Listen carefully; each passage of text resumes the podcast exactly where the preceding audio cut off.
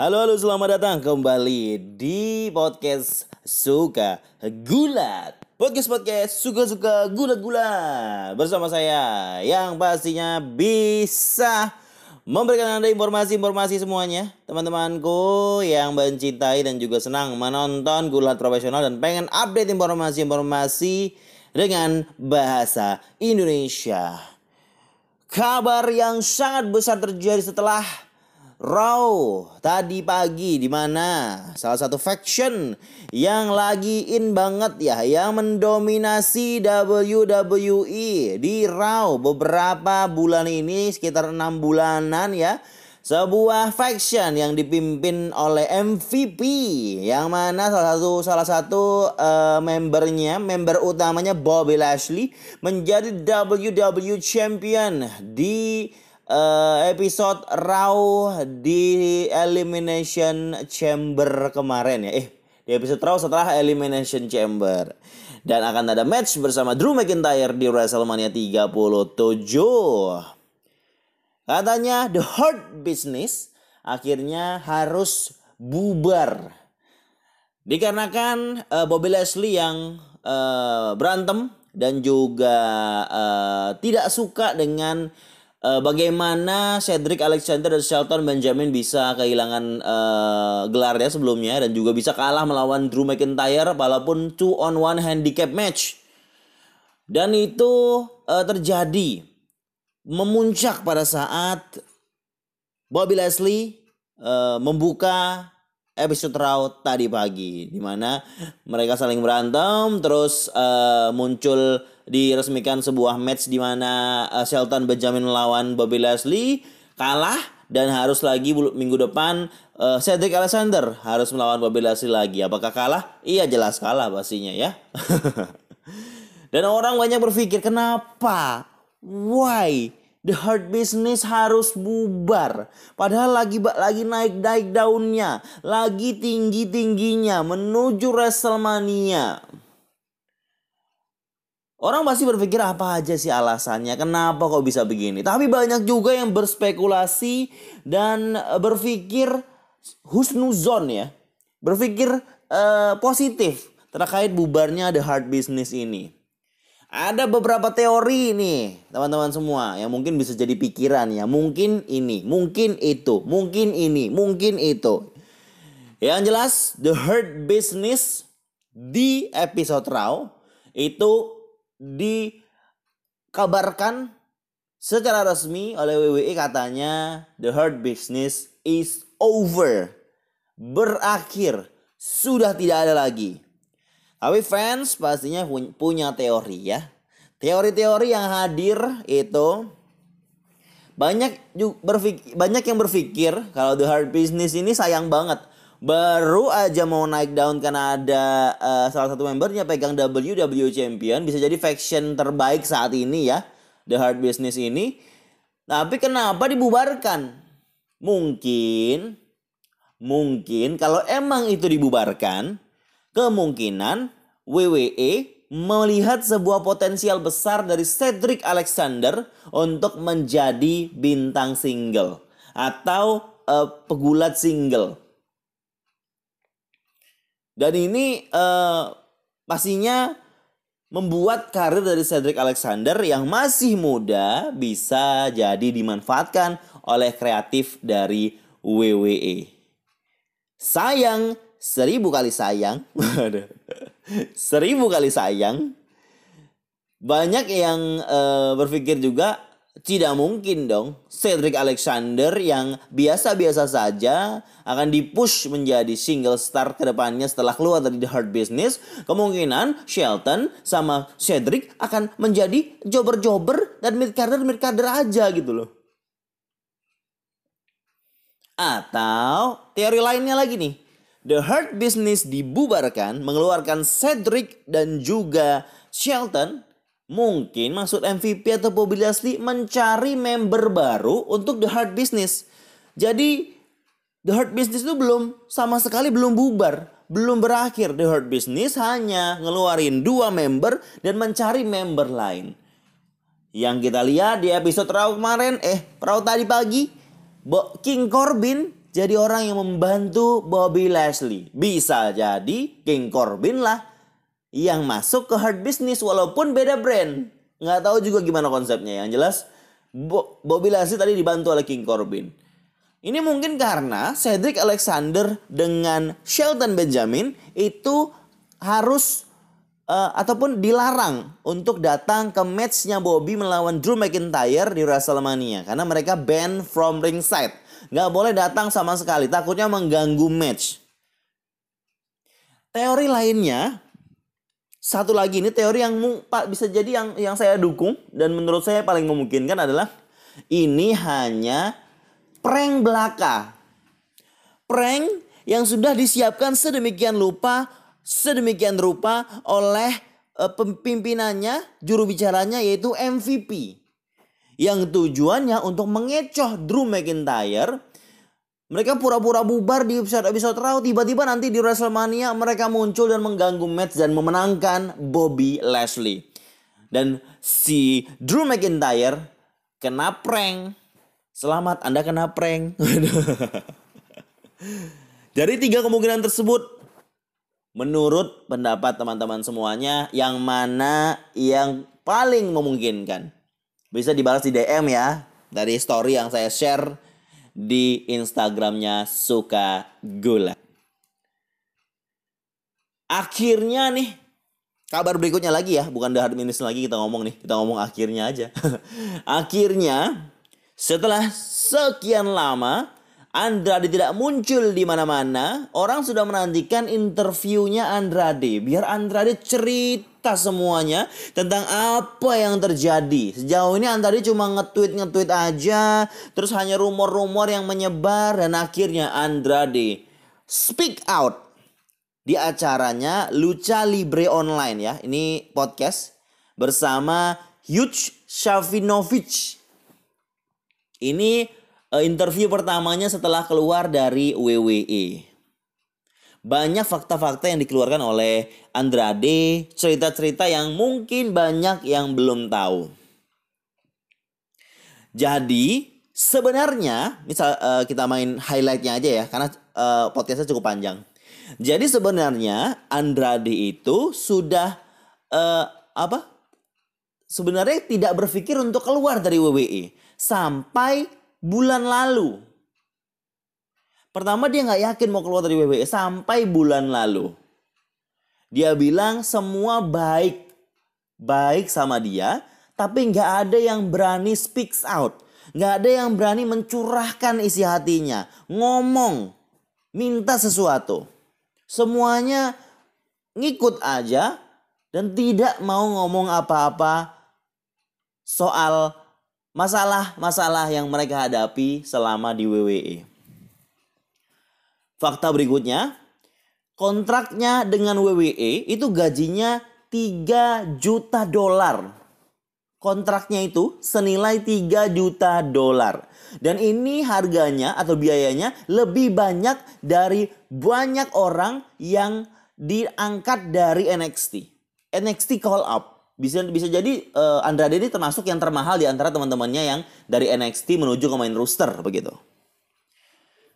Fakta berikutnya, WWE bilang ke Angel Garza untuk memotong rambutnya biar dipush.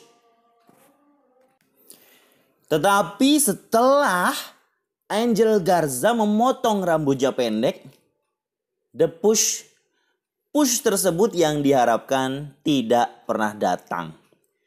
Dan Andrade selalu support Garza sama seperti Sin Cara dan juga Rey Mysterio yang support Garza, support si Garza. Dan juga dia selalu support sama Humberto Carrillo. Karena karisma dan talentnya. Tapi sayangnya WWE tidak menggunakan mereka. Fakta berikutnya. Jadi si uh, Andrade ini pernah uh, kembali pada bulan Februari ya. Setelah dia injury dan orang-orang seperti Randy Orton, Sheamus, McIntyre sama Cesaro mempertanyakan hal-hal hal kepada Andrade ini kenapa kok dia nggak dipakai oleh WWE dan itu membuat uh, Andrade ini jadi berpikiran juga. Jadi bertanya-tanya juga. Kayaknya ada yang salah deh.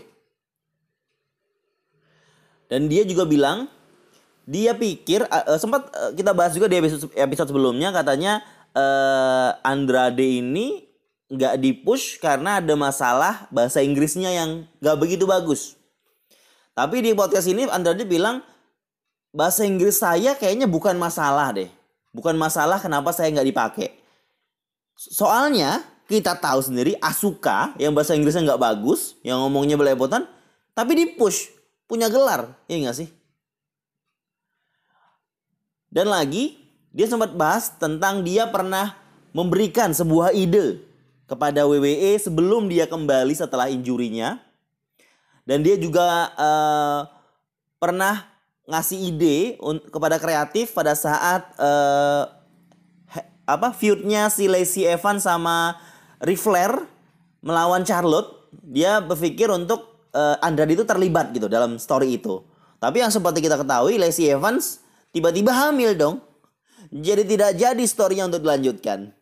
Dan mungkin WWE juga tidak menyetujui ide yang dilontarkan oleh uh, si Andrade ini. Dan fakta lagi berikutnya, ketika Andrade ini lagi off ya, lagi nggak ada di WWE karena recovery dari uh, operasi mata, dia nggak dia nggak pernah ditelepon dan disuruh untuk kembali lebih awal bahkan setelah tanggal dia sudah clear ataupun sudah sembuh gitu. Tetapi pacarnya si Charlotte itu selalu ditelepon oleh WWE setelah dia uh, di ini di uh, operasi, setelah dia operasi untuk injurinya dan ditelepon WWE untuk cepat kembali, cepat kembali. Dan juga sempat beberapa kali si uh, Charlotte juga menolak sampai dia sembuh benar gitu. Ini kayak sesuatu si Andrade ini berpikir kayak kok begini banget sih? Kok aku pas udah sembuh gini nggak ada yang ngoling, tapi pas si uh, Charlotte baru aja selesai operasi sudah ada yang telepon biar cepat kembali begitu. Dia juga sempat mempertanyakan kenapa orang-orang seperti Aleister Black dan Ricochet itu hanya ada di main event. Acara ketiga, acara skala level terendahnya WWE, main event ya. Dan dia juga sempat bilang dia uh, memang uh, jadi pernah Andrade itu lagi berdua sama uh, Drew McIntyre terus ada produser yang bilang kepada mereka berdua untuk uh, bilang kepada Drew McIntyre ya produser itu bilang kepada Drew McIntyre kalau Drew harus terlihat seperti seorang monster. Dan Drew bilang ke Andrade dia harus begitu juga. Dan setelah Orton, Randy Orton ngobrol sama Andrade kenapa tentang kenapa uh, dia tidak dipakai oleh WWE, itulah di mana si Andrade berpikiran kalau kayaknya aku harus pergi dari WWE. Yang membuat dia hanya duduk setiap minggu di catering di bagian tempat makan-makan. Dan selalu kalau ditanya apa yang kau lakukan di TV, apa yang kau lakukan di sana, dia bilang ya cuma makan di catering gitu. Dan dia sempat membahas tentang uh, cerita di Arab Saudi waktu masanya pay-per-view Crown Jewel yang ada insiden di pesawat itu ya. Mungkin teman-teman sudah tahu ceritanya.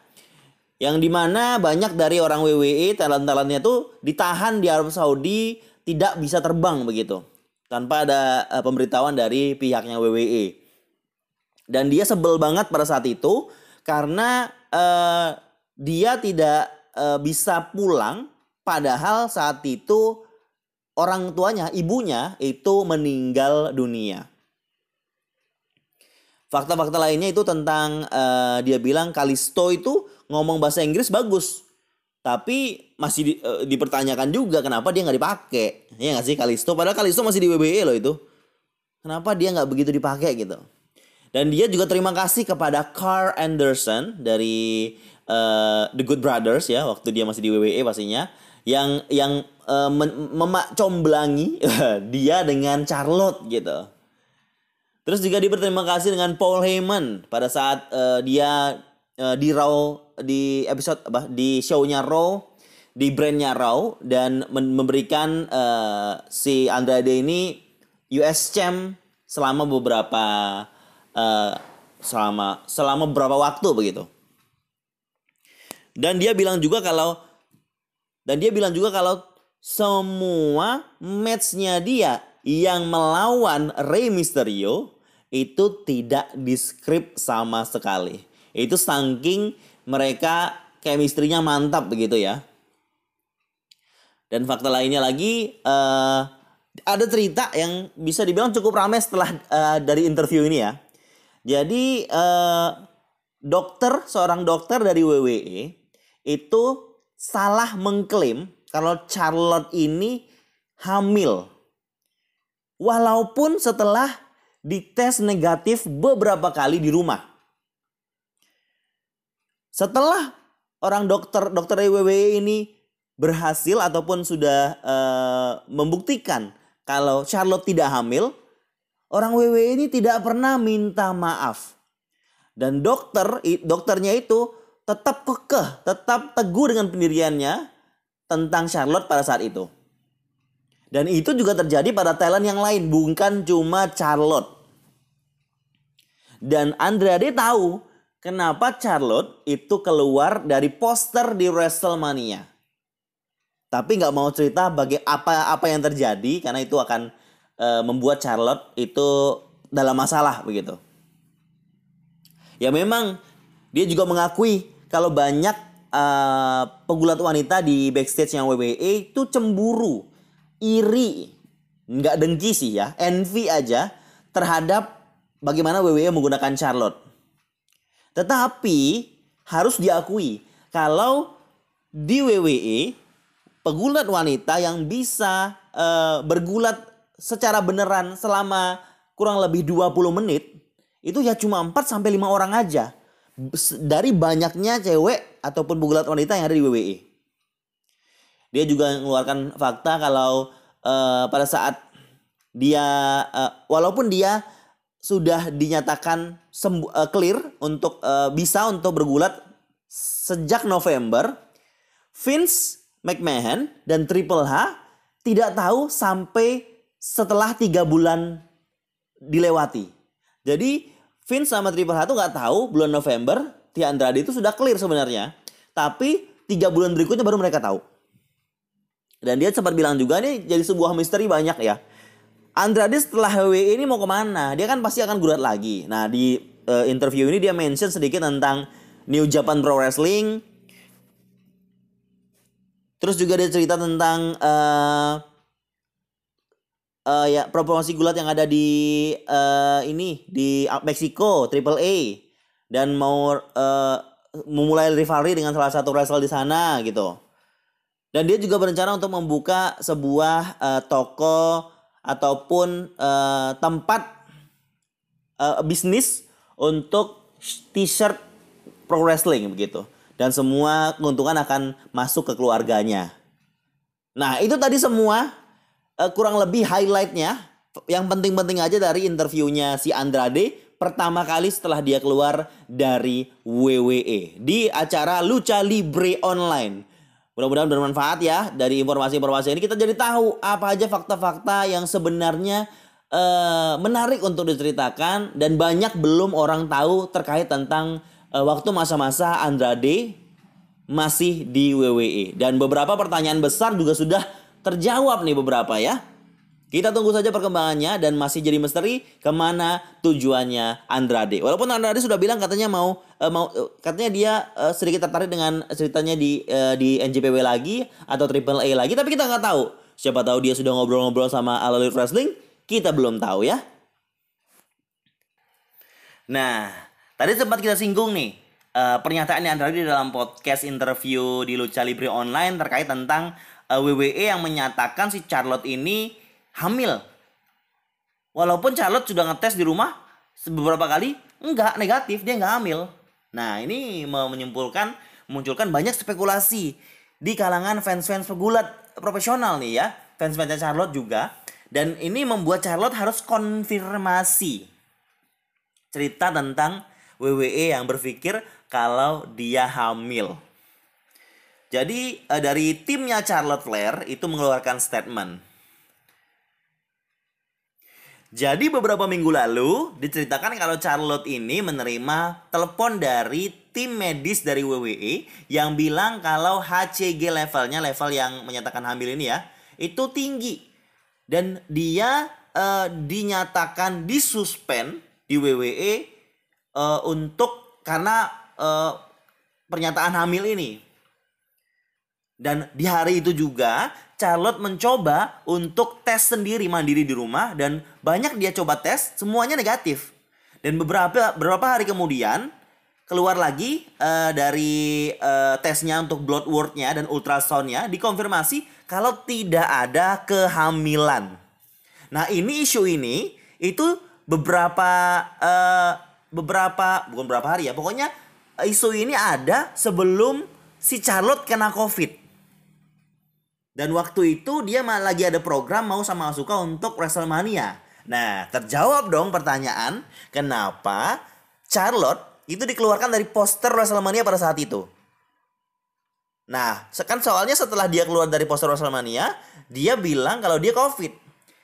Padahal mungkin aja, ini teori saya ya, mungkin aja dia dikeluarin karena pregnancy itu. Jadi di, di cancel gitu loh, di cancel programnya dengan Asuka. Nah ini jadi sebuah bisa dibilang uh, jadi masalah juga nanti ke depannya. Walaupun Andrade bilang nggak mau ada masalah dengan Charlotte kalau mengungkapkan cerita tersebut, tapi nyatanya ya jadi Charlotte kena masalah dong kayak gini nih. Jadi membuat uh, kredibilitas dari dokter di WWE itu dipertanyakan oleh banyak orang begitu. Nah ini juga merugikan Charlotte sendiri yang tadinya dapat match di WrestleMania tiba-tiba hilang begitu saja ditelan zaman dan di cancel gitu aja yang kata kita kita berpikir semua fans kalau itu karena dia covid. Padahal seperti yang saya bilang di episode berikut sebelumnya bahas tentang Charlotte soalnya covid ini kan kalau di karantina paling ya dua minggu. Waktu itu masanya dua minggu cukup masih untuk melanjutkan storyline menuju Wrestlemania. Tapi ternyata masalah ini mungkin saja ya ini mungkin saja. Masalahnya ini Kabar selanjutnya, ini ada beberapa berita-berita bonus ya untuk teman-teman semuanya yang mengikuti podcast Suka Gulat episode kali ini. Karena pembahasan utamanya sudah nih The Hard Business sama interviewnya Andrade. Jadi dari episode Raw kita sudah tahu kalau ada match tambahan lagi nih yang sudah diwanti-wanti juga uh, untuk ada di WrestleMania 37. Untuk night ataupun malam kedua WrestleMania ya, yaitu matchnya United States Championship Riddle melawan Sheamus yang di mana Sheamus berhasil mengalahkan Riddle di episode Raw dengan match non title ya. Itu berarti uh, Sheamus uh, layak untuk melawan Riddle pada saat WrestleMania besok. Dan juga dapat stipulation nih untuk salah satu match yaitu matchnya Braun Strowman melawan Shane McMahon yaitu Steel Cage Match. Ini menarik karena Shane McMahon berkali-kali kabur dari Braun jadi Braun tuh nggak pernah dapat Shane McMahon sampai sampai sekarang ya sampai di si Braun si Shane McMahon ini terus mengelek mengolok-ngolok mengejek-ngejek si uh, Braun Strowman tapi Braun Strowman tidak pernah bisa dapat uh, apa kesempatan untuk balas dendam dengan Shane McMahon. Mungkin ini akan ditahan terus sampai WrestleMania di mana Braun Strowman bisa mengurung mereka berdua bersama Shane McMahon tambahan satu match ya kemungkinan berarti di episode SmackDown ada tambahan match baru lagi Informasi selanjutnya tentang Stone Cold Steve Austin yang muncul di salah satu podcast bernama Wrestling Inc. Jadi ditanyain oleh interviewernya katanya uh, apakah Stone Cold Steve Austin akan muncul di WrestleMania 37 besok? Jadi Stone Cold menjawab Katanya WWE tidak menelponnya, menghubunginya sama sekali untuk event WrestleMania 37 ini. Tapi dia bilang dia akan muncul, kemungkinan besar dia akan muncul di WrestleMania 38 tahun depan 2022 karena show tersebut diselenggarakan di Texas. Tapi walaupun 30 WrestleMania 37 Stone Cold nggak datang tapi dia katanya bakal nonton gitu ya. Mungkin nonton di rumah kali atau nonton di uh, lokasi nggak tahu juga. Tapi dia confirm WWE nggak ngubungin dia, dia nggak muncul di WrestleMania 37. Ya nggak apa-apa lah ya, walaupun uh, karena kalau muncul ya bisa jadi spesial juga ketika ada Stone Cold Steve Austin di acara WrestleMania besok. Tapi uh, lebih spesial lagi kalau dia munculnya di Texas, apalagi nanti di WrestleMania 38 kemungkinan bakal ditonton oleh full kapasitas penonton. Nah, kabar berikutnya ini menyangkut tentang cerita kita kemarin nih, terkait tentang uh, eh, WWE Network dengan kerjasamanya dengan NBC Peacock. Jadi sempat saya bahas mengenai bagaimana enaknya nih untuk orang-orang yang ada di luar Amerika Serikat yang di mana tidak harus menonton Peacock dengan tayangan-tayangan yang diedit dengan beberapa segmen ataupun semua hal-hal yang menyangkut uh, sesuatu yang harus disensor itu tidak bisa ditonton lagi. Nah, ternyata eh ternyata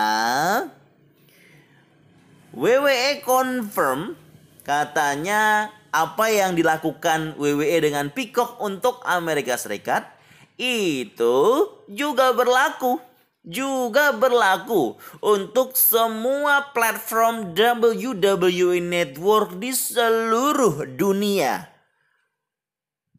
sayang seribu sayang ya. Jadi banyak sekali uh, cerita-cerita ataupun segmen-segmen di zaman attitude era ataupun zaman-zaman yang dulu-dulu banget yang mana peraturannya nggak begitu ketat dulu ya. Boleh ngomong rasisme, boleh ngomong uh, melawan Tuhan, boleh ngomong uh, boleh melakukan adegan seksi dan lain sebagainya. Tapi hal itu harus dihapus dan disensor untuk menonton-menonton lagi di uh, video-video ataupun eh, acara-acara yang ada di platform WW Network berlaku di seluruh dunia. Karena apa yang dilakukan Peacock harus diterapkan juga nih oleh WWE. Nggak tahu kenapa begitu ya, nggak tahu juga. Oke, terima kasih buat teman-teman semua yang sudah mendengarkan podcast Suka Gulat episode kali ini. Mudah-mudahan informasinya bisa memudahkan Anda semuanya, buat teman-teman semuanya untuk mengerti, untuk uh, bisa mengikuti cerita-cerita perkembangan-perkembangan kabar yang ada di dunia gulat profesional dengan lebih mantap dan lebih akurat begitu ya dan tetap terus mendengarkan podcast suka gula. Jangan lupa di share. Kayaknya belum pernah ada yang nge-share ya ini, tapi tetap dengerin ya. Gimana dong? Jangan lupa pokoknya Gak apa-apa, terus saja semangat. Semoga saya terus semangat untuk bikin podcastnya ya. Terima kasih. Tetap dengarkan Suka. Eh, podcast Suka Gulat. Tememeng.